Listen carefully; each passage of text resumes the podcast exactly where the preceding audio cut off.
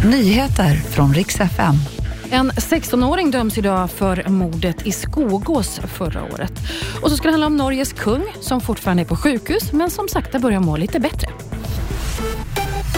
En 16-åring dömdes idag i hovrätten för mordet i Skogås. Det här var i januari förra året.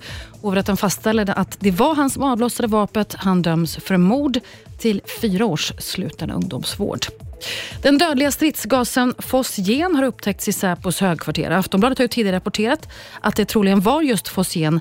Nu visar även handlingar från Länsstyrelsen samma sak. Gasen kan tydligen uppstå bland annat vid svetsning och i fredags var det som Säpos högkvarter fick evakueras efter en misstänkt gasläcka. Norges kung Harald verkar må bättre. Den 87-åriga kungen blev ju nyligen inlagd på sjukhus i Malaysia. Han har drabbats av en infektion under kungaparets semester. Men nu har han sakta blivit bättre och blir väl omhändertagen. Det här meddelar kronprins Håkon idag till Aftonposten. Han ska bara ligga kvar på sjukhus några dagar till och vila upp sig. Och Det var nyheterna. Jag heter Maria Granström.